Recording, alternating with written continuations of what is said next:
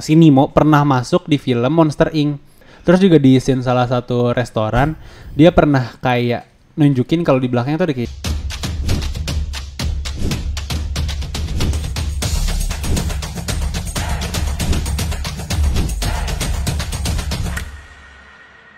Hai guys, welcome back di Ca Podcast, podcast Gudang Cerita. Jadi balik lagi sama gue Rio Ardito dari Bekasi. Wede.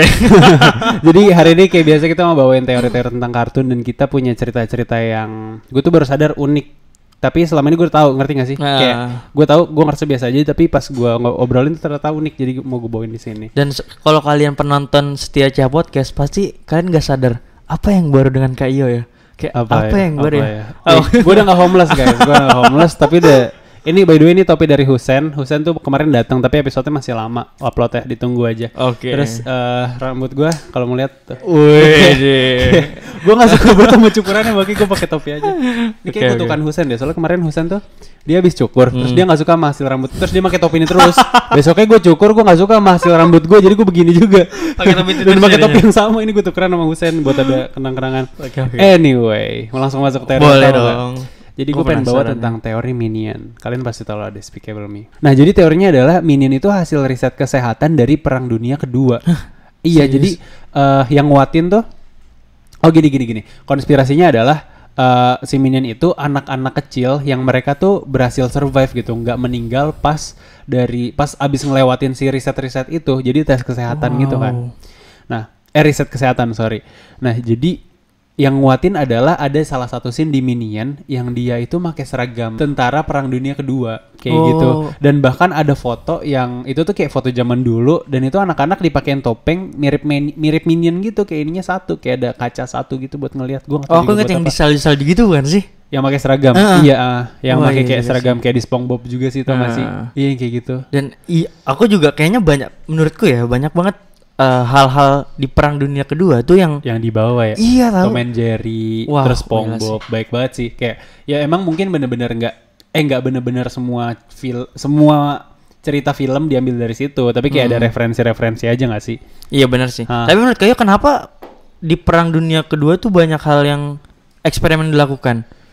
Karena revolusi industri juga nggak sih? Maksudnya kayak oh iya juga sih. itu eh, orang dari nggak tahu jadi tahu dan bahkan sekarang juga masih banyak kan. Cuma sekarang orang udah sadar kayak dulu tuh orang melakukan segalanya untuk mendapatkan sesuatu hal yang baru. Sekarang tuh udah punya banyak hal, masih banyak yang mau didapat juga tapi kayak udah pada sadar kayak kayaknya kita jangan nyuntik kelinci mulu deh. Kayak kita jangan motong-motong tikus mulu deh, ngerti gak sih? Hmm. Kayak udah mulai kayak aduh kasihan gitu loh. Ngerti gak sih? Jadi Iya dulu tuh sih. bener-bener sengasal itu sih menurut gua. Iya pasti. Kalau dari cerita-ceritanya. Makanya aku juga sempat kepikiran yang tentang obat. Aku aneh banget. Kemarin kan Kenapa? aku minum obat gitu ya. Ah. Terus aku kepikiran sebelum aku tahu obat nih dibuatnya gimana ya. Terus aku pernah dengar bahwa obat tuh dicobain ke hewan dulu kan. Aku nggak Ah. Iya, iya, pernah. benar-benar, nah, terus benar-benar. kita tahu hewan itu sembuh dari mana coba? Atau ada yang Eh, ngedeteksi? Ada lah, ada lah. Kayak maksudnya kan dari behavior gitu-gitu. Ya nggak sih? Kayak per- Iya sih. perilaku terus kayak dari detak jantung mungkin segala macem. Iya sih. Kayak kan kalau pusing tuh bukan sesuatu hal yang kelihatan secara medis kan. Eh, iya, tapi kan bisa didetek lagi. Gua nggak paham juga lah. Coba Iya sih, pasti iya bisa sih. didetek kayak MSG kenapa bisa dibilang apa namanya? micin. Micin kenapa bisa dibilang bodoh tuh karena pernah dicobain ke tikus. Dicobain ke tikus tapi dengan dosis yang banyak banget gitu. Dengan dosis yang untuk kita kecil, tapi untuk tikus banyak banget dan dia kayak ada perilaku bodoh something something kayak gitu lah. gitu. Dan itu kelihatan gitu. Iya jadi itu fun fact juga. Nah tapi kalau misalnya itu dikasih ke human ke kita ke manusia ya nggak maks nggak masuk akal banget kita kita masak seba kita makan sebanyak itu gitu. Gue lupa eh, dosis pastinya. Cuma yang jelas kan kita makan MSG paling banyak sehari paling berapa sih? Iya sih. Sedangkan itu kayak banyak banget jadi kayak hasil riset yang salah salah satunya itu Ih, dan aku baru tahu loh itu yang Iya. tentang yang kelinci. Wah, tikus gitu? tikus eh, tikus, dicobain ke tikus iya terus ngomong-ngomong tentang obat kemarin gue tuh bahas tentang mental illness sih sama Arji juga tapi eh, off cam ya kayak setelah Hmm. setelah udah kelar ininya ngob Hmm. podcastnya terus eh, dia tuh ngomong gue suka banget dia bilang kayak obat itu kayak kalau kita punya penyakit terutama mental kita tuh kayak lagi di tengah laut. Dan obat itu kayak pelampung. Hanya sebagai pelampung. Lu tuh bakal stay afloat. Lu tuh bakal apa namanya di atas ngambang. Ya bakal tetap ngambang nggak tenggelam. Tapi di sisi lain kayak lu tuh tetap harus berenang men. Ngerti gak sih? Kayak nggak ada nggak ada yang namanya lu dikasih obat terus jadi kayak jet ski gitu tinggal ngegas. Hmm, nggak jadi nggak kayak gitu. Nggak kayak gitu kayak uh, that's the unique thing about life gitu. Jadi nggak ada nggak ada hal apa pun yang lu tuh bener-bener kayak tinggal nginjek gas atau tinggal mood tinggal whatever gitu tinggal ngegas terus nyampe nggak ada yang kayak gitu sih kerennya. Dan parahnya lagi obat juga kan banyak efek samping juga kan selain kalau iya kita ha. itu alasan gua nggak mau take take meds sih. Kayak apa ambil ngam, apa minum obat tuh gua nggak mau sih. Iya makanya aku deh aku tuh aku tuh sering banget nyamarin mama aku tuh kalau aku sakit. Apa apa jadi obat? iya mama tuh mama aku tuh kayak "Oh, kan langsung minum obat aja ini. Aku tuh nggak mau tak aku takutnya aku tuh pernah denger orang-orang yang pernah sakit dan minum Hmm. obat terus kan terus jadi kayak bahaya gitu buat kesehatan di dalam jadi Ah. rusak gitu terus aku jadi kayak kalau sakit menurutku jangan langsung minum obat lah lu cari alami dulu atau apa pun itu gitu aku nggak tahu itu Iya, baik atau enggak sih cuman menurutku kayak Ah. jangan obat-obat terus lah Nah terus yang yang tadi yang gue bilang obat itu juga ber apa nyambung sama yang kayak eh kalau lo lagi depresi, lo lagi stres, jangan ngerokok mulu lah, jangan mabok mulu lah, jangan Hmm. jangan apa-apa ada pelampiasannya gitu. Apa pun itu pelampiasannya tuh sebenarnya kurang bagus sih menurut gua karena ya itu jadi kayak pelampung aja. Lo tuh harus kayak oke masalah lo ini kalau kalau belum sadar misalnya kayak lo sedih segala macem belum tahu masalah di mana mungkin boleh lah kayak nyari pelampiasan yang sehat lah misalnya kayak pelampiasan lu jalan sendiri kayak me time atau nonton Netflix atau apalah. Tapi kalau misalnya sampai negatif tuh jangan. Tapi di sisi lain kayak kalau udah tahu masalahnya ya hadepin gak sih? Iya sih dan Iya sih. kalau misalnya pelampiasan yang kita lakukan itu kita merasa kurang pasti kan nyari yang lebih-lebih terus kan? Hah. dan itu bahayanya. Iya ya. Iya yang kemarin gua ngomong ah gitu ya, itu yang kayak kamu kayak bilang kemarin. awalnya awalnya kita ngerokok tuh kipuas terus lama-lama kayak aduh kayak gue pengen alkohol deh. Terus habis itu kayak aduh gue pengen apalah yang obat-obat segala macem. Iya dan itu bahayanya. Hah. makanya kalau bisa kalian kalau ada pelampiasan eh jangan jangan, jangan ada pelampiasan intinya iya. Eh, hadapin aja sih. Ya hadapin hadepin aja sih. terus juga ini waktu itu gue ngomong di podcast atau pas kita lagi meeting ya gue lupa. Jadi eh, yang gue bilang kayak kalau ada masalah itu kayak ada masalah di hidup kita itu kayak paku yang nancep di ban di ban mobil. Hmm. ya kan? Kayak sebenarnya masalah kecil tapi gara-gara kita hold terus kita kita lupain udah udahlah biarin cuma paku cuma masalah kecil. Kita kita jalan terus jalan terus lama-lama bannya kempes. Habis bannya kempes lama-lama peleknya hancur lama-lama peleknya peleknya hancur terus mulai rangka mobilnya mulai acak-acakan terus habis itu mobilnya udah nggak bisa jalan. Itu sama kayak hidup nggak sih? Iya kayak masalah kecil ah bodo amat ah masalah kecil doang. Lama-lama kayak ngakar ngakar ngakar ngakar dan akhirnya lu bener-bener kayak kacau gitu. Iya iya, benar sih. Terus nggak menurut kayak orang-orang yang lari lari dari masalah tuh gimana? Ya ya manusiawi jujur Hah, manusia Iyalah manusiawi itu cuma maksudnya jangan dilakuin. Itu hal yang manusiawi. Menunda menyelesaikan masalah kayak menurut gua hal terberat di hidup tuh menyelesaikan menyelesaikan masalah kan.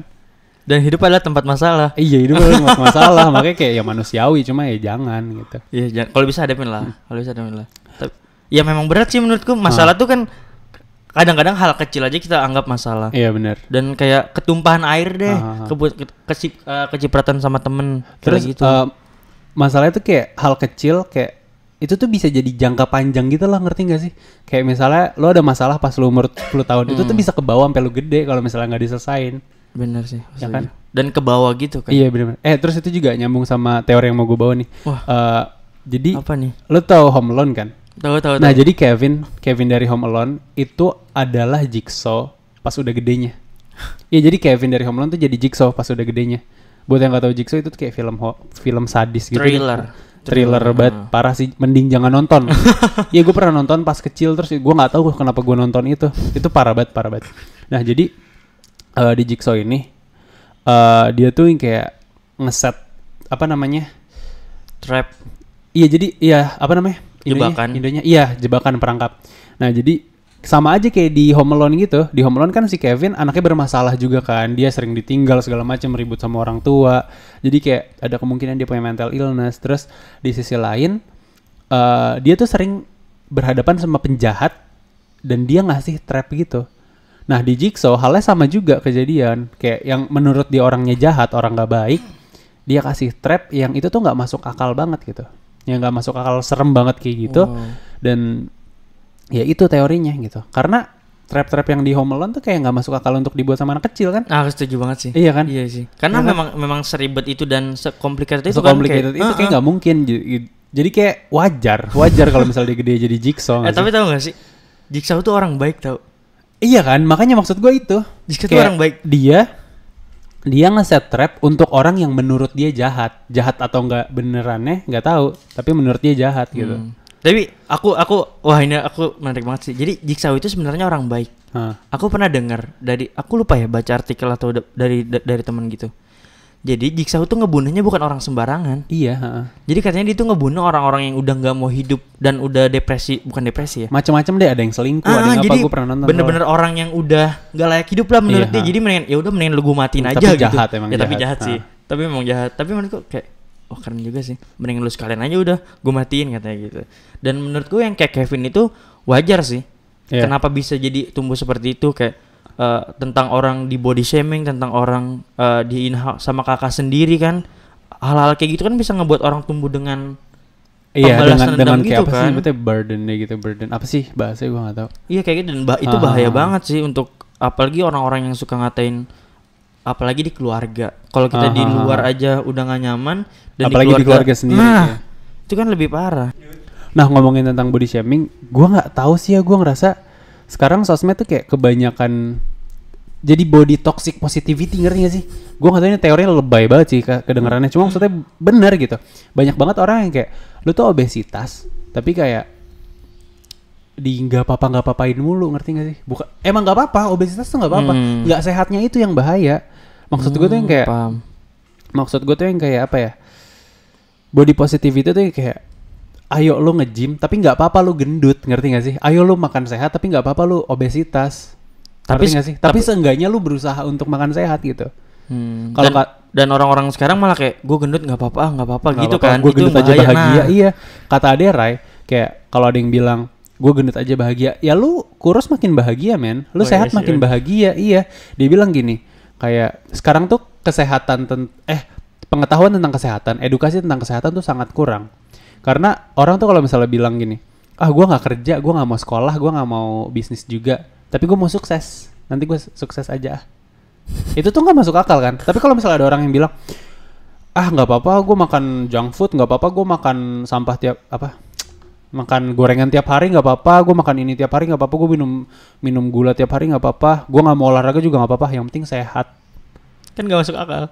itu kan nggak masuk akal tapi itu masih diterima sama orang-orang sekarang gitu bahkan di Hmm. sekeliling kita juga nah itu menurut gue kayak kurangnya edukasi di bagian kesehatan sih Mm-mm. jujur Ya memang sih dan seharusnya kan hal-hal itu ya kita dapat dari mana kesehatan?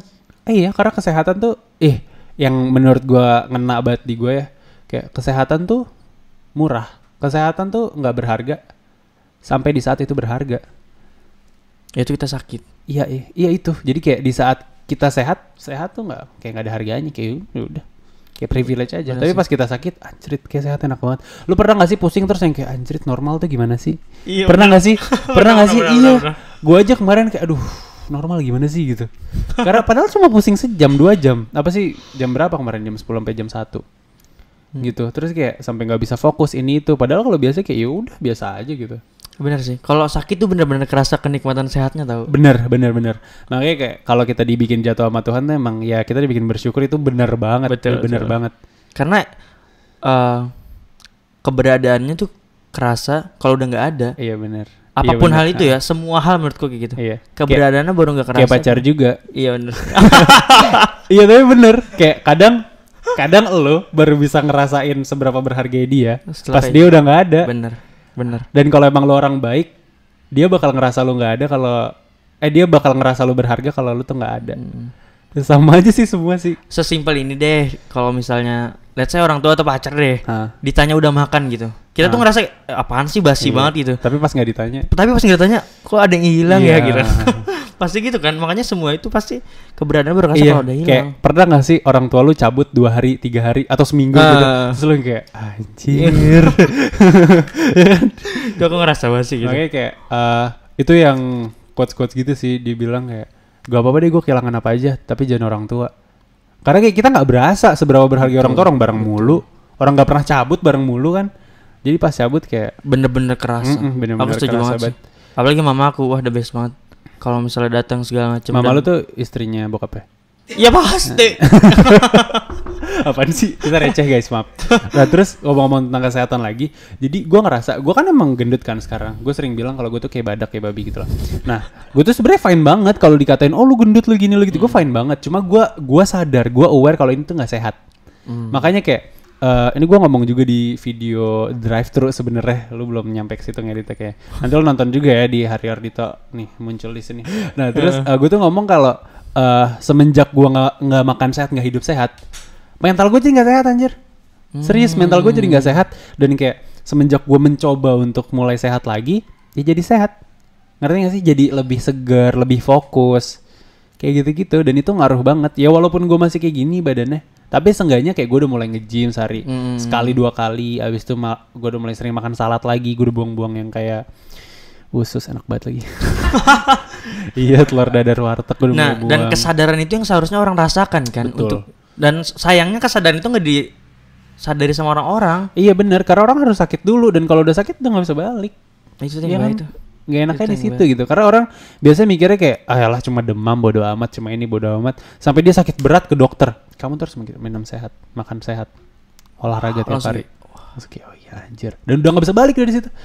Gue pernah nonton satu video ini kena banget, ini kena banget. Jadi kayak ngemotivasin orang-orang buat hidup sehat. Jadi dia bilang gini, eh dia sakit something, dia ke dokter. Dia baru mau punya anak. Hmm. Dokternya bilang, "Eh, istri lu hamil ya? Siapa nama anak lu nanti? Bella. Sebelum, lu mau nggak nanti pas anak lu, lu mau nggak nanti datang ke pernikahannya Bella? Mau lah apaan sih? Dia jawab gitu. Terus dia bilang lagi, lu mau nggak kalau nanti cowok lain yang datang ke pernikahan anak lu? Iya, terus apaan sih lu ngomong apaan sih Ah, gitu? iya. Kayak apaan sih maksud lu? Terus kayak nanti pas anak lu lulus dari kuliah, lu mau datang nggak? Atau mau cowok lain yang gandeng istri lo? Terus kayak, apaan sih? Dokter Makin- nggak makin jelas kesel. gitu. Hmm. Terus kan dia bilang gini, kalau misal lu mau datang di pernikahan anak lo sama istri lo, lu mau datang di graduation anak lo, lu ikutin exactly what I say. Lu bangun tiap hari lo olahraga, lu makan ini, lu makan ini, lu makan ini, lu hindarin makan ini, ini, ini, ini gitu. Wow. Jadi dia dia dibikin sadar kayak gitu. Karena kalau misalnya lu nggak ngelakuin itu, lu mati bisa bilang gitu.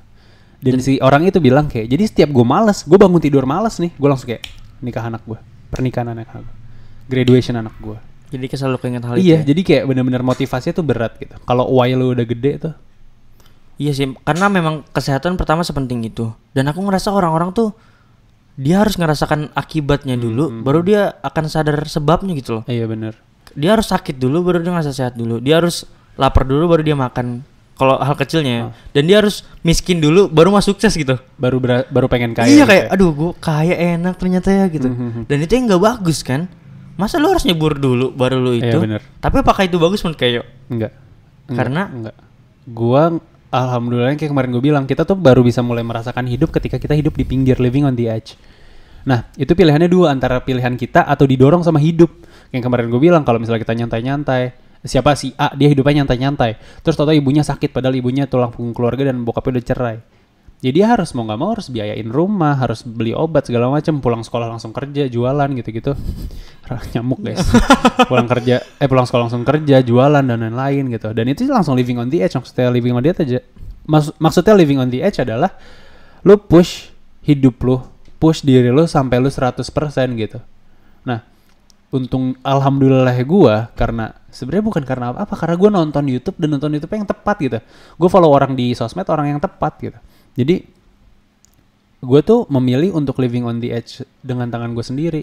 Kayak pas gue ke Perancis, emang gue bisa sebenarnya ke Perancis? Nggak nggak Hmm. nggak nggak sebisa itu gue. Ak- secara akademik bisa lah, tapi kayak secara banyak hal tuh nggak bisa. Habis itu gue gue pulang ke Indo, putusin kuliah putusin kuliah itu kan lebih pinggir lagi, gitu. Iya, lebih pinggir lebih lagi. nyari mati lagi kayak anjir takdir gue mau mau dibawa ke mana gitu, gue nggak mau kuliah juga.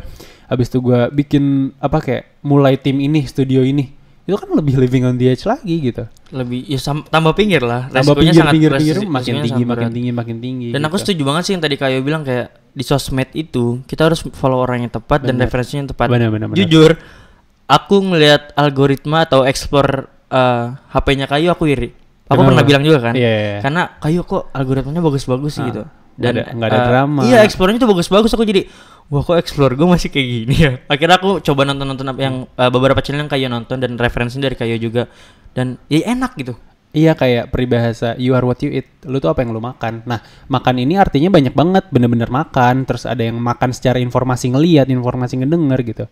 Jadi kalau misalnya kita kan sekarang dunia di tangan gitu. Informasi semua bisa lo reach di tangan. informasi general ya. Kalau misal lu itu itu doang, it- drama-drama doang, ya mau sampai kapan gitu. Kalau entertainment nggak apa-apa, fine fine banget. Tapi kalau misalnya entertainmentnya, eh entertainment, kalau selain dari entertainment lu, gitu-gitu lagi, drama lagi, masalah apa sih yang KPI kemarin. Hmm, Terus yang kayak nggak penting gitu. Iya, terus by the way itu yang pedofil. Ih. iya, gua gua nggak tahu sih boleh ngomong atau enggak, cuma yang kayak masa nggak respect sih sama masalah kayak gitu, Hmm. ngerti nggak sih? Kayak lo habis ngelakuin, kes- bayangin gini deh, si A, atau kayak lo punya anak, jangan jangan lo, ntar jadi doa. Si A punya anak, anaknya dilecehin sama orang, dia masuk penjara, pas keluar penjara si penjahatnya di, weh keluar penjara, lo bakal apa anjir? Seakan-akan superhero. Iya, seakan-akan kayak anjrit dia jahatin anak gua. Eh, Dia jahatin anak gua loh. Dia lecehin anak gua. Terus kenapa dia jadi superhero? Gua aja nggak dipanggil ke TV, kenapa dia dipanggil ke TV? damn. Gua nggak dapat apa-apa, dia dibayar. Gua yang kayak ya I'm no one to say about that sih. Kayak gua bukan siapa-siapa untuk untuk berbicara ngomong hal tentang itu. itu. gitu, tapi ngelihatnya tuh yang kayak miris, man. Miris, Iya man. Maksudnya Kan- kayak oke deh, fine gua gua paham kita bawa teori konspirasi yang emang gak educational. Tapi apakah itu harmful? Mm-mm. Apakah itu menyakiti si apa pihak lain seseorang gitu? tuh. Uh-uh. Kan enggak. kan emang menurutku sepenting itu sih. Karena menurutku untuk sekarang ya, Hmm. apalagi di zaman serba teknologi seperti kayak bilang dunia udah di tangan, aku ngerasa banget bahwa HP kita sekarang adalah otak kita. Semua Hmm. isi yang ada di HP adalah isi otak kita. Bener. Makanya aku setuju banget bahwa lu kalau mau ngecek orang itu gampang kok. Cek explore-nya, Iya. cek eh, apa referensi nonton YouTube-nya dan itu dia. Itu yang ngebentuk Bener, dia juga. bener, bener. Untuk anak dua 20 tahun ke bawah ya, ya kan? Dan wah iya sih itu iya banget sih. Karena aku udah sadar banget. Aku kan ngeliat eh, kalau main sama temen ya atau lagi nongkrong bareng teman-teman kan buka-buka HP ya. Hah. Coba lihat explore lihat explore gitu. Aku tuh penasaran sebenarnya dia tuh gimana. Karena Ah. kelihatan banget. Jujur kelihatan banget. Ah, ah, ah. Explore tuh menggambarkan kalian. Cek di HP teman-teman kalian. Iya bener-bener. Itu menggambarkan kita banget loh. Dan kalau lo mau ngaca, cek explore lo, sesimpel itu. Betul, Ah. betul, betul. Karena mungkin emang kedengarannya cringe, tapi cobalah follow akun motivasi, coba sumpah. Mungkin cringe tapi impactful gitu. Awalnya kayak apaan sih lu ngomong motivasi apaan sih? Lama-lama tuh jadi ketanam, jadi kayak dicolok ke hati lu gitu langsung. Iya benar. Aku setuju banget. Gua awalnya di situ kayak Elon Musk bilang, gua kerja 100 jam se- seminggu. Gua kayak anjrit, orang 40 aja 40 jam kerja, 2 jamnya break makan. Terus habis itu 6 jamnya nggak efektif. 2 jamnya scroll IG sama TikTok. Itu parah Kayak gitu-gitu kan. Berarti paling efektif seminggu cuma belasan jam, nggak nyampe 20 jam. Terus ini orang 100 jam naik pesawat sana sini. Iya kan? Di pesawat meeting juga. Nggak ada tidur tidurnya tidur cuma 6 jam. Bangun langsung ini. Nggak ada sarapan nggak ada apa. Gue kayak apaan? Terus pas gue cobain wow. Gokil. iya pas gue mulai masuk itu kayak anjir kayak gini impactnya. Ngerti gak sih? Mungkin aku ngerasa anak muda zaman sekarang kurang referensi tentang beberapa hal di akun-akun yang bagus. Mereka karena gengsi gak sih? Kayak pernah gak sih ada teman yang ah gue nggak mau ah following gue lebih banyak dibanding followers gue. Ada gak sih teman kayak gitu? oh gue udah gue udah nggak relate sih Ada gak sih teman gitu? Ada kan? Aku ada Ada. teman gitu. Kayak ngerasa bahwa ah following gue Harus lebih dikit, dikit. iya. Jadi followers gue lebih banyak lah. Dan menurutku itu yang salahnya dia sih. ya tapi kalau orang masih gengsi mah gak usah sukses sih Ya. demi Allah lo kalau masih gengsi pengen sukses susah banyak banget hambatannya kayak Betul. Kayak misalnya lu mau jualan somai, terus lu gengsi. Ya nggak bisa lah. Dan kayak lu kira jualan somai itu gak keren. Coba aja tuh kayak kopi kenangan. Berapa triliun sekarang? Tadinya apa? Jualan kopi. Ya. Gokil ya. Iya makanya tuh. Aku setuju banget waktu itu yang aku aku kalau nggak salah dengar dari kayu deh. Apa? Aku baru sadar banget yang uh, aku cerita tentang temanku yang IQ-nya IQ sorry. Apa namanya? Nem ya? Kalau lulus tuh Ah, ya nem. terus dia rendah kan? Terus temannya bilang ah lu mau jadi apa? Lu nem segitu mau jadi tukang sayur. Terus kayak bilang emang tukang sayur rendah? Iya. ha, terus aku bilang Lihatnya sayur box. Iya juga ya. Perusahaan itu. Sayur box. Ini kita, gua nggak di endorse tapi kayak gua keren, gua salut sama sayur box itu. iya sih. Aku ya benar sih. Mungkin dulu aku ngeliat beberapa pekerjaan itu ngeliat rendah ya. Iya. makanya aku setuju banget yang Restu bilang. Kuli tuh pekerjaan yang malu-maluin Itu malu anjing. Nah, gue pengen balik lagi ke masalah kartun. Jadi film Nemo, si kartun Nemo itu, eh si kartun Nemo, si Nemo pernah masuk di film Monster Inc.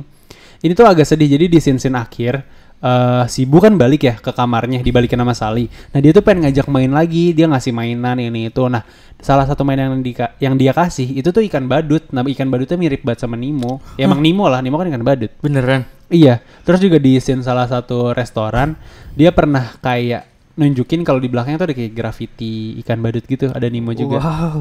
Gitu. Nah, terus abis itu film Incredibles si keluarga Incredibles itu pernah masuk film Nemo juga. iya, jadi jadi waktu itu pernah di salah satu scene yang dekat akuariumnya Nemo yang pas dia dikurung di apa namanya dokter gigi. Mm, Oh iya, iya. iya. Itu kan pernah ada si, gue lupa namanya Darla atau siapa ya, yang pokoknya yang cewek pakai behel itu Oh, iya, datang iya. kan. Nah dia yang kayak yang berisik gitu-gitu. Nah pas dia lagi datang itu ada anak cowok kecil lagi nunggu sama ibunya kalau nggak salah. Nah itu dia lagi megang si Incredibles. Serius. Iya, ha-ha. itu kalau nggak salah kayak spoiler buat beberapa saat kemudian Incredibles bakal keluar gitu. Nah kerennya di film yang sama di scene-nya tuh nggak jauh beda dari situ. Itu lo lo tau gak sih yang burung itu? Oh yang ada ikan. Aha, oh iya, yang tahu burung, tahu. yang burung di situ. Ah. Nah, jadi eh, film Cars, Cars tuh pernah masuk di Nemo juga. Nah, jadi Cars tuh pernah masuk di Nemo juga. Jadi waktu itu pas si burung yang ini, yang apa namanya, yang ini gede, itu lagi kayak ngacak-ngacak eh, dentisnya, ngacak-ngacak apa namanya ruangan Ruangan dokternya. ruangan dokter giginya. Itu pas dia mau cabut atau pas lagi ngapain gitu, itu si Luigi tuh lewat. Luigi tuh yang kayak pokoknya yang yang warna kuning sama yang biru deh. Oh yang kecil itu Ah, ya? yang kecil yang kecil. suka benerin ban yang satunya pokoknya yang Oh, iya, jualan iya. ban itu tuh lewat gitu itu juga, juga kalau nggak salah spoiler buat film Cars pengen keluar next year Oh, tapi benar lewat. iya ha. Wow. nanti muncul deh ting As. Willy nih susah nih ya. Ayo, sabar ya, Will. Tapi memang film Pixar tuh udah udah pasti berhubungan kan, Ah. karena memang dia tuh timelinenya udah jelas. timelinenya udah jelas dan bener-bener di. Aha. Tapi menurut itu di, dipikirin atau enggak? iyalah iyalah kayak oh ini promosinya di sini se- sesimpel mobil lewat Tapi gitu-gitu. itu enggak promosinya tuh enggak enggak ketara gitu loh. jadi kayak Easter eggs namanya di film tuh Fak, hal tersembunyi gitu ya. Easter eggs Easter eggs Iya sih, karena memang banyak banget di Pixar Ah. film-filmnya. kayak ini nih jadi pas di Avenger terakhir banget kan si Iron Man kayak "Tss, I am Iron Man. Nah itu tuh udah di spoilerin berkali-kali, berkali-kali di film Iron Man sebelumnya. Serius? Iya di akhir film Iron Man 1 dia tuh yang kayak pas lagi speech terakhir dia kan dikasih contekan gitu kan. Terus si Rhodes temennya abis bilang kayak stick to the scripts gitu. Dia kayak udah baca aja gitu. Terus eh, Iron Man langsung kayak kayak the truth is I am Iron Man. I am Iron Man. Terus kalau nggak salah di akhir film Iron Man 3 apa 2 ya yang pokoknya rumahnya hancur gue lupa deh. Oh, tahu tahu Dua ya? Gue lupa deh pokoknya. Tiga nggak salah deh. Pokoknya di salah satu film Iron Man atau gue lupa film apa pokoknya rumahnya hancur. Dia tuh ngambil kayak obeng terakhir, obeng terakhir di rumah dia kayak jatuh gitu. Dia bilang kayak lu bisa ambil mainan gua, lu bisa hancurin rumah gua, tapi lu nggak akan bisa ngambil the fact that I am Iron Man. Gitu. Jadi kayak berkali-kali diulang dan pas di end game terakhir dia tuh kayak "Tes, Wah, gokil. Terus kayak kayak eh di si Thor bilang kayak I am inevitable kan gitu. Teng terus kayak teng teng teng gitu. Nggak bisa-bisa. Terus habis itu si Iron Man bilang I am Iron Man Tss, gitu. Jadi itu udah Easter eggs beberapa kali. Ya tapi kalau orang orang sadar akan hal itu dia nonton Endgame seharusnya keren banget tau iya makanya gue tuh tipe orang yang kayak sadar sama kayak gitu-gitu. Pas gue nonton End- Endgame yang kayak ah ini kan di sini, ini kan di sini gitu loh. Iya sih. Iya. Kalau orang aku yakin kalau orang sadar, oh ini Ah, tuh udah di ah. ini loh, udah direncanakan. Terus yang Doctor Strange sih yang Oh, kenapa, kenapa? yang merinding banget. Lo inget gak sih?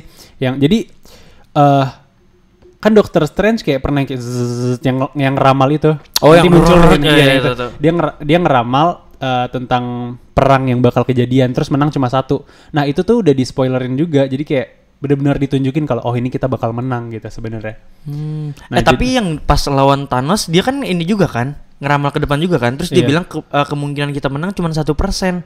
Bukan satu persen, jadi ditanya kayak lu lu ngelihat berapa banyak? Gue ingat banget 16 14 juta 605 kalau nggak salah. Itu apanya? Empat- Kejadian. 14 juta 605 kemungkinan. Oh, kemungkinan. Terus ditanya kita menang berapa? Satu. Oh iya benar itu. Terus Iron Man ditusuk kan. Pok- Pokoknya Iron Man mati, terus dia ngasih batu. Dia ngasih batu terus kayak ya udah dibawa sama Thanos terus ditanya sama Iron Man kenapa lu kayak gitu. Si Strange bilang kayak no way around it. Kayak nggak ada nggak ada cara lain. Harus Terus- ini yang gue lakukan. terus pas udah di end game, pas udah perang banget, Iron Man bilang, "Lo ngelihat kita satu kita menang satu kan? Please tell me, kayak kasih tahu gua, please banget kalau ini kita menang." Terus si Strange bilang, "Kalau gua kasih tahu nggak bakal kejadian." Dan ternyata bener. Kayak pas terakhir banget pas pas sebelum Iron Man ngerebut sarung tangannya, sebelum ngere- ngerebut batu-batunya, dia tuh kayak diginin sama Doctor Strange kayak dia tuh lagi gini terus gue inget banget dia kayak set, nunjukin ke Iron Man kalau ini tuh satu is the one Hmm, gitu. oh iya, Is ini momennya, ini Nah, momennya ini ya. momennya terus akhirnya Iron Man ngambil set terus Iron Man. Wow. Jadi itu tuh ah keren banget sih Endgame sumpah. Yang nulis Endgame gue jatuh cinta sama lu sumpah keren banget. Keren banget gila. Tapi emang sekeren itu sih. Iya sekeren itu kayak bener-bener cerita 10 tahun ditulis gitu gila. Tapi aku, jujur aku baru tahu itu film selama itu loh. Sebelum-sebelumnya aku nggak pernah Tiga tahu ada film ya? yang selama itu. Tiga jam ya. Iya tiga jaman. Tapi Sebelum-sebelumnya aku nggak Tapi worth it banget itu sebanyak Sangat-sangat itu. worth it. Banyak banget. Sangat-sangat worth it. Dan ceritanya tuh masuk semuanya ke situ. Ah, terus ada satu lagi sih yang gue suka banget. Jadi di awal Captain Amerika yang kedua atau ketiga ya gue lupa. Dia tuh kayak lari di sebelah kiri. Terus eh, ngelewatin si siapa? Yang Falcon namanya? Sam ya? Siapa Yang sih? terbang. Iya yang terbang. Aku nggak tahu namanya. Eh. Iya pokoknya dia dia ngelewatin itu pas lagi jogging terus bilang on your left, on your left, di kiri kiri, di kiri ah, sebelah gitu kan. Terus sampai sampai dia terakhir bilang kayak jangan bilang jangan bilang terus on your left gitu. Terus habis itu jadi itu kayak eh salah satu scene di Endgame itu di spoilerin sama itu gitu. Jadi salah satu scene di Endgame pernah di spoilerin sama eh, Captain America yang gue gua nggak tahu kedua atau ketiga. Jadi dia tuh lagi lari, Oh. dia lagi lari sama yang Falcon itu. Si Falcon lagi lari terus dia yang kayak datang dia yang kayak on your left, on your left, on your left gitu. Di kiri lu, gue di kiri lu. Hmm. Nah terus eh, pas lagi di Endgame, Cap tuh udah kayak kesusahan banget, udah sendiri, udah berdiri sendiri. Terus tau-tau dia yang kayak gini. Terus ada yang ngomong,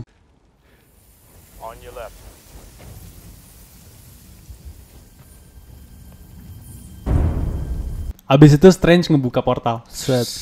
Abis itu eh, Black siapa namanya? Black Panther keluar. Abis itu dia terbang. Set. Wow. Jadi spoiler itu udah banyak banget gue nggak ngerti bisa sedetail itu nulisnya.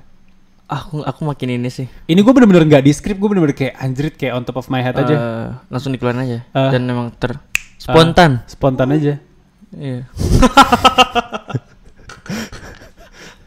ya memang sih. Aku, aku jujur makanya kita udah sering banget ngebahas Marvel. Kita Iya. udah terlalu banyak memuji dia. Iya, kita bisa dapat Tapi emang keren banget ya.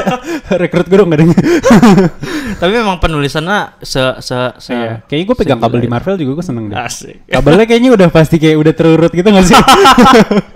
ini, oh ini buat ini terus kayak ada ribuan kabel udah bener-bener terjejer rapi gitu. Dan nggak mungkin digigit kelinci kan, nggak mungkin digigit kelinci kan. Tapi fun fact kita pernah hampir gagal syuting gara-gara kelinci. Iya, karena kabelnya putus. Pas Emil dateng ya? Iya, pas iya sumpah gue stres banget itu. Eh ngomong ngomongin Marvel kan Marvel eh, mostly yang nonton semuanya kan memang. Semua Dan- umur. Semua umur. Dan apalagi yang menurutku yang bener-bener merhatiin adalah orang-orang yang dewasa lah, yang kayak Kayo lah. Karena umur menurutku kita sih, dewasa sih enggak ya. dewasa Umur- berapa umur sih? 20. Gak tau sih dewasa. Dewasa tuh sifat gak sih? Bukan umur. Generasi deh, milenial lah, milenial lah. Generasi. Generasi Ngomongin umur, Kenapa? ah Kayo penasaran gak sih kenapa kita harus nginget umur? Oh iya iya iya. Iya, ini tuh pernah ditanyain di kertas bimbang. Betul, betul. Kalian nontonnya di second account gua. harus nonton, harus nonton. Nah, jadi dia waktu itu nanya, "Kenapa sih kita ngitung umur?" Terus gue kayak Iya juga ya. Kayak maksudnya kalau kita ngitung prestasi berdasarkan umur, jujur ya, gue makin ke sini makin sadar kalau ngitung prestasi, ngitung achievement berdasarkan umur tuh sangat-sangat buruk. Karena Kayak misalnya, ih Billie Eilish umur berapa gue gak tau. Ih misalnya, ih 17 eh, si ini umur 20 udah jadi penyanyi internasional loh. Lu kuliah aja belum. hmm, Gue juga dulu mikir gitu kayak, anjir Kobe Bryant umur 18 tahun udah masuk NBA. Gue 16 tahun nih, 2 tahun lagi gue ke mana? Ngerti gak sih? Terus kayak, mungkin sekarang gue bisa mikir kayak, anjir gue 20 udah telat 2 tahun. Kobe udah di NBA, gue pas, pas 20 udah masuk MVP, eh udah All Star kali gitu, gitu kan Eh, makin ke sini gue makin sadar kayak ya umur ya itulah nggak apa ya nggak jangan tracking apa ya jangan nendain prestasi itu berdasarkan umur karena orang punya timeline masing-masing ya gak sih setuju. Dan- tapi tapi aku ngerasanya gini ya.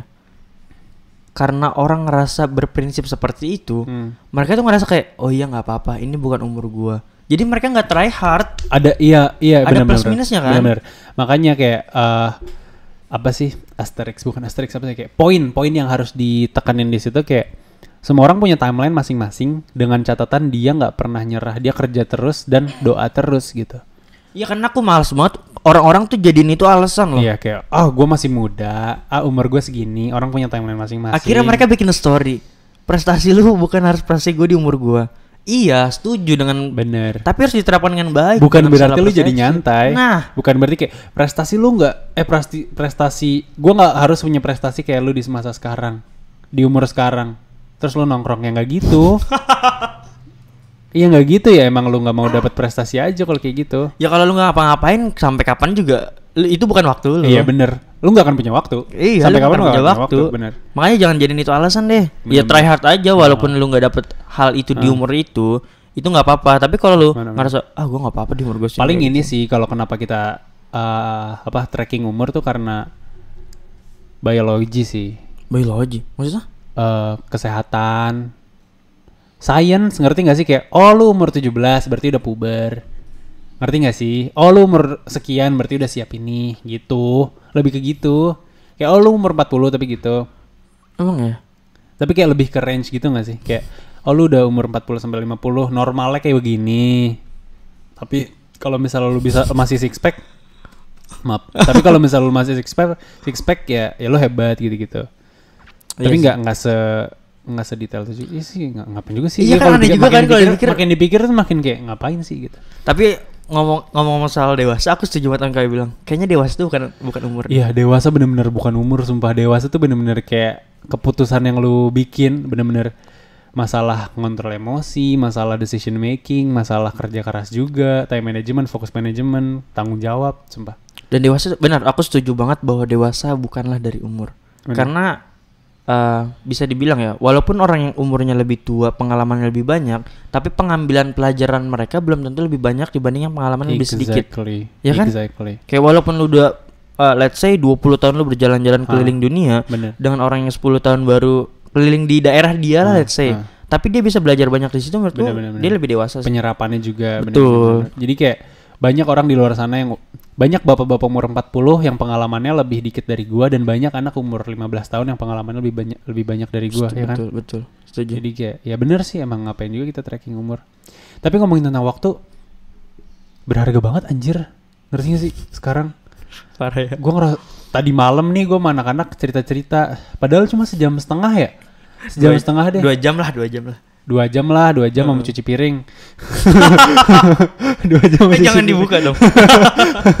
Lah, itu tuh gua abis itu langsung kayak aduh strip podcast belum dibikin eh, bu- Ya. bukan belum dibikin belum dirapihin terus kayak eh, ini segala macam belum kelar terus gue kayak gila berharga banget ya sangat kayak Eh, eh, udah sang, eh, udah sesayang itu sama udah waktu. sesayang itu sama waktu Karena kayak ya benar yang waktu itu kita bilang deh.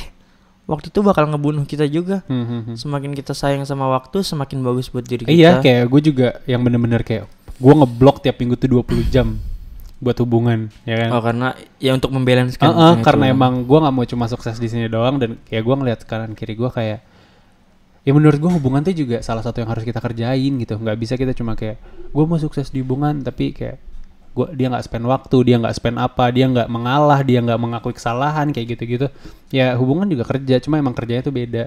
Terus juga emang gue setuju banget kata Najwa siap Kenapa? kata Mbak Nana. Dia bilang hubungan tuh jangan pernah dilihat dari logika. Hubungan tuh harus pakai hati. Kalau kita terus nyari pembenaran lewat logika nggak akan ketemu itu pembenarannya. Emang harus diterima aja pakai hati gitu. Yes, yes. kayak yang gue bilang kemarin kayak semua orang seperfect apa pun orang pasti ada titik di mana dia tuh yang pasti ada titik di mana lo nemu kalau ah dia ternyata begini. Pasti ada momen ah dia ternyatanya tuh pasti ada ke semua orang seperfect betul. apa pun. Coba lu Betul. pacarin Selena Gomez deh setahun pasti nemu gitu. Ah dia ternyatanya tuh pasti ketemu.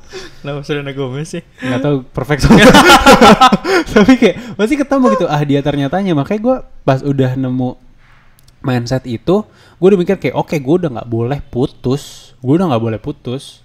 Kayak sejelek apa pun pasangan gue seburuk apa pun sifat yang dia punya ya benar-benar harus kayak "Ih, gimana caranya gue bantu supaya ubah itu jadi better gitu. Benar-benar kayak bukan kayak hubungan tuh bukan kayak pekerjaan yang lu tuh pilih better ini atau itu ya. Better ini atau ini ya. Tapi kayak lu pilih aja satu terus kayak make the best out of it gitu. Lu bilang gue pengen A ya udah make it perfect aja. Bener-bener make it perfect karena nggak bisa pakai logika Jujur aku eh, salut banget sama prinsip kayu dalam relationship. Kenapa? Kayak gue tuh satu ya yang satu. sama cewek, Setia banget. yang sama cewek atau cowok? Jelek banget. Lanjut aja. Eh, sorry, sorry, sorry. Iya. Aku tuh salut banget sama kayak prinsipnya di relation yang bahwa satu tuh ya satu. Gue tuh gue kalau udah satu ya nggak mau yang lain gitu. Kesetiaannya Iya. itu loh. Iya, benar. Dan kenapa bisa kayak gitu? Pertanyaan gue tuh. Apa yang membuat kayak ya udah gue satu satu gitu. Karena menurut gue hubungan tuh mental ya. Eh, semua mental sih. Maksudnya hubungan tuh lebih ke feeling kan. Dan menurut gue untuk mempelajari feeling, kita tuh jangan ngeliat keluar deh. Kita ngeliat ke dalam. Itu bisa diterapin kayak yang pertanyaan lo tadi. Kalau misalnya kita ny- kita setia, kenapa gue setia gitu ya? Ya karena gue nggak nyari di luar. Di luar tuh buat nyari pelajaran profesional menurut gue. Gue ketemu sana sini ini itu. Tapi kalau nyari pelajaran kayak pelajaran hubungan, pelajaran tentang relationship, gue nggak tahu bisa dapat dari siapa. Sumpah, sumpah gue nggak tahu bisa dapat dari siapa. Selain dari belajar dari kesalahan. Langsung terjun. Mm, Terus lu bayangin gue ganti-ganti cewek. Ya gimana cara belajarnya gak sih? Iya sih, mungkin tapi ada beberapa orang juga yang justru dia ganti-ganti cewek untuk belajar. Enggak, setuju gue. Aku nggak tahu sih, mungkin beda prinsip saya sama dia. Aku Iya, ada satu orang. setuju. Aku ada satu orang. Jadi dia tuh ya teman aku cowok Ah. sekelas. Jadi dia bilang dia tuh memang terkenal playboy. Satu satu satu angkatan itu udah terkenal. Ah. Satu kelas pernah satu kelas jurusan lain pernah dideketin semua sama dia. Gila. Jadi orang udah tahu kayak ini orang tuh playboy. Terus aku nanya kan, lu itu sebenarnya kenapa sih? Hmm. Kayak ganti-ganti, lu nggak malu apa dicap sebagai playboy segala macem. Ah. Terus saya bilang, gue tuh pengen, ya gue tuh sebenarnya eh, nggak ada niatan ke sana. Gue tuh pengen belajar aja. Gue pengen tahu Oh, bu- sikap-sikap Hmm. cewek gimana. Itu Jadi bullshit. nanti kalau gue udah punya istri, gue jadi tahu harus kayak gimana gitu. Itu bullshit. ya mungkin pembelaan juga sih. kan istri lu nggak istri lu nggak sekelas juga kan? Masa 30 orang lu jadi istri?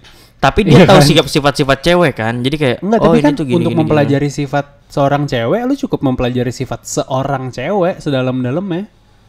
Ngerti nggak? Kayak ngapain lu ngapain lu bisa bola, basket, futsal, semuanya, badminton dan lain-lain, tapi cuma cetek doang. Lu nggak bisa bertanding, nggak bisa jadi juara. Kenapa lu nggak satu aja basket? Gitu. Satu aja bola. Ya sama kayak cewek. kayak, Kenapa lu nggak satu aja cewek fokus? Karena gue pernah playboy man. Gue relate. Uh. iya dan kayak. Pujian kerajaan.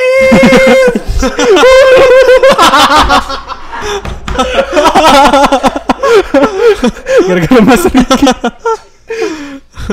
Iya gitu kayak maksudnya apa tadi lupa sih Alan. Pernah jadi fake fuckboy. Iya, gue pernah jadi playboy dan kayak ya itu alibi lah, itu alibi lah. Betul sih. Hmm. Betul sih. Dan tadi setia, terus sekarang kenapa orang selingkuh? Iya, tadi gue baru, baru pengen bahas selingkuh. Eh, Heeh. gak tahu sih, lu, lu percaya nggak kalau selingkuh tuh karena kesempatan? Hmm. Jujur aku kurang referensi tentang ini, tapi menurutku selingkuh tuh kayaknya pilihan deh.